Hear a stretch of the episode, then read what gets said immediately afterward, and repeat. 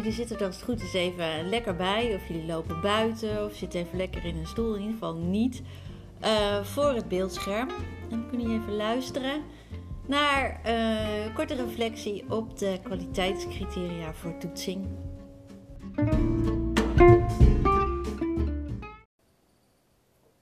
Eerst maar eens de termen zelf. Dus validiteit.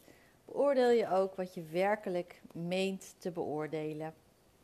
Nou, er zijn natuurlijk een aantal signalen die je kunt krijgen om te weten of dat zo is. Bijvoorbeeld, klopt het met de andere beoordelingsinstrumenten die menen hetzelfde te meten? Je zou je kunnen voorstellen dat dat bijvoorbeeld de overgangsexamens zijn. Als je kijkt naar het eindexamen, als, daar, als er uit het eindexamen iets totaal anders komt dan de tussenexamens, meet dat eindexamen dan eigenlijk wel wat het denkt te meten. Ja, het kan heel verschillend zijn. Hè. Dus bij centraal uh, schriftelijk eindexamen is altijd veel gedoe over. Wat meet je daar nou precies? Je volgt iemand al zes jaar of vijf jaar of vier jaar. En dan ineens komt er zo'n momentopname en wat zegt dat dan? Nou, het blijkt heel veel te zeggen. Maar het is wel een hele goede vraag. Dus klopt het ook met wat andere beoordelingsinstrumenten uh, die hetzelfde meten? Is het daarmee in overeenstemming? En ook is het juist niet in overeenstemming met iets wat iets heel anders probeert te meten? Nou, dat klinkt in de muziek een beetje vaag, denk ik. Maar bijvoorbeeld uh, als je kijkt naar de CITO-toetsen op de, op de basisscholen, is altijd een grote uh, ja, discussie over wat meet je daar nou precies. Is het eigenlijk niet bijna allemaal begrijpend lezen? Ook een heel deel van de rekentoets zou je als begrijpend lezen kunnen zien. Dat er heel veel sommen in verhaaltjes worden gevat.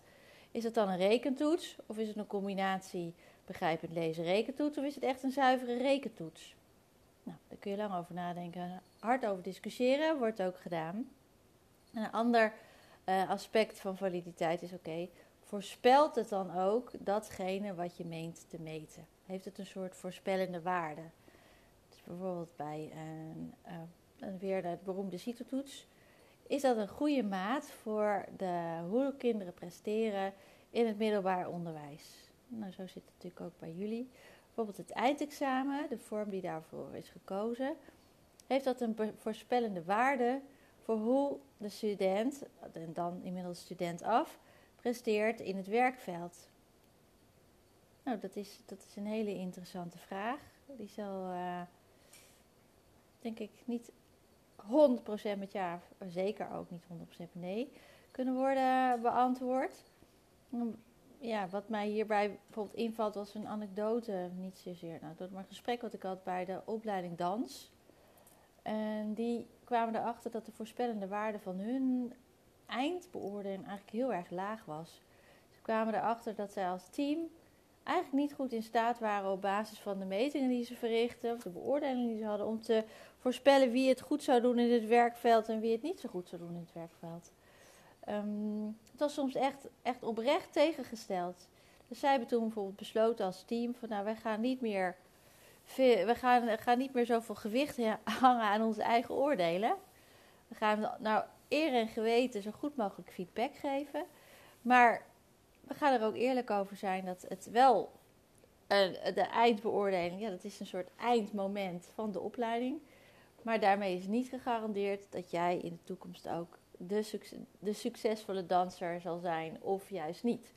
Nou, dat vond ik wel een hele mooie, gewetensvolle conclusie uit hun eigen validiteitsonderzoek. Het andere criterium is betrouwbaarheid. En dat is heel kort gezegd: van krijg je dezelfde resultaten als je deze toets op een, op een ander moment weer toepast op dezelfde persoon. Met andere woorden, is de uitkomst niet toevallig? Is hij stabiel over de tijd heen? Geven delen van de beoordeling dezelfde resultaten als het geheel? En als je verschillende beoordelers inzet voor die beoordeling, komt er dan ongeveer dezelfde conclusie uit? Nou, dat is natuurlijk ook een hele interessante vraag. Er gaan ook een aantal van jullie BKE focussen over. Eerst er maar eens over, krijg je dezelfde resultaten als je het nog een keer doet over dezelfde persoon. Uh, op een ander moment met dezelfde persoon is altijd natuurlijk een leereffect. Dus wat dat betreft is de betrouwbaarheid, daar zit altijd een soort, soort leereffect in. Dus helemaal 100% hetzelfde zou vreemd zijn. Maar toch wil je dat die uitkomst niet toevallig is. Dat degene die zeg maar, in de overgangsexamen naar jaar 4, als, die, als dat heel erg goed gaat, dan wil je eigenlijk ook dat er eenzelfde soort uitkomst komt bij het eindexamen. Mits er natuurlijk niet persoonlijk iets heel vreemds is gebeurd met die persoon. Je wil eigenlijk ook dat het eindexamen zo is dat je uh, over een deel van het geheel, dat dat ook wat zegt over het geheel. Nou, dat is bij zo'n zo'n eindbeoordeling die één geheel is, een wat vreemdere uitspraak dan bijvoorbeeld bij een, uh, een rekentoets. Als je bij een rekentoets de, de uitkomsten analyseert en er blijken drie sommen te zijn waar echt iedereen de, de meest vreemde dingen op uh, antwoordt, ook kinderen die op andere items of items heel erg goed scoren, dan denk je, nou, dat is vast niet een heel goed item. Daar slaat dat herte her test, hertest uh, criterium op. Nou, dat is voor jullie denk ik niet zo heel erg interessant. Wat veel interessanter is, is die uh, interbeoordelaarsbetrouwbaarheid, waar ook een aantal focusie, foci over gaan. Um, is, hebben verschillende beoordelaars, komen die ongeveer tot dezelfde conclusie. Nou, daar vind ik dat artikel van Sadler heel erg interessant.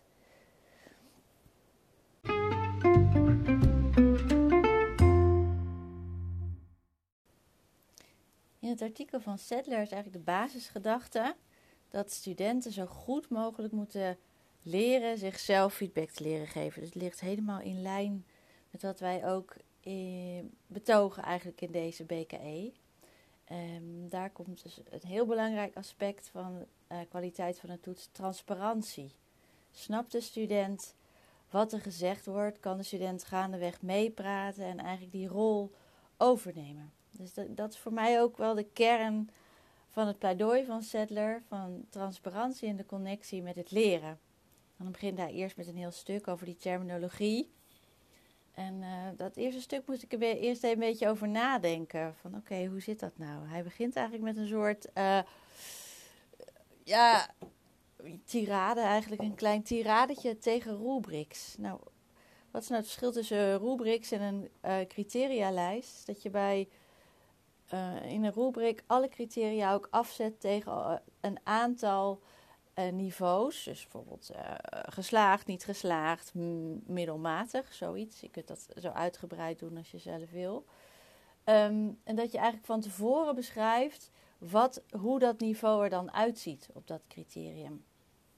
Nou, hij zegt natuurlijk, uh, ja, dat, dat is een hele lastige exercitie als het gaat over creativiteit, over expressie, als het gaat over je eigen ja, opvattingen, uitingen. Als het gaat over het ambacht is dat veel makkelijker om te doen.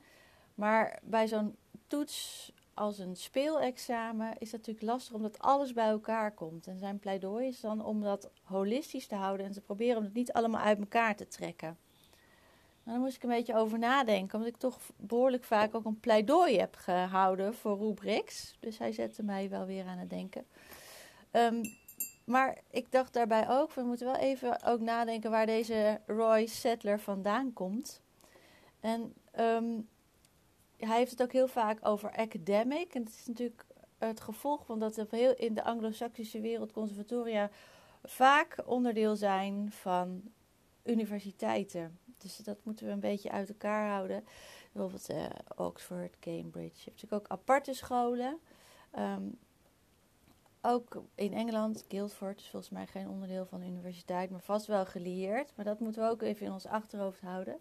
En dat zie je ook wel in Nederland is er een hele grote beweging geweest op een gegeven moment dat ook kunstopleidingen op onderdeel werden van hogescholen dat hogescholen in de jaren 90 en het begin van de jaren 10, zeg maar, of de jaren 0 eigenlijk, zijn overgestapt heel veel op competentiegericht onderwijs en projectonderwijs, waarin uh, in grotere, betekenisvolle gehelen getoetst werd.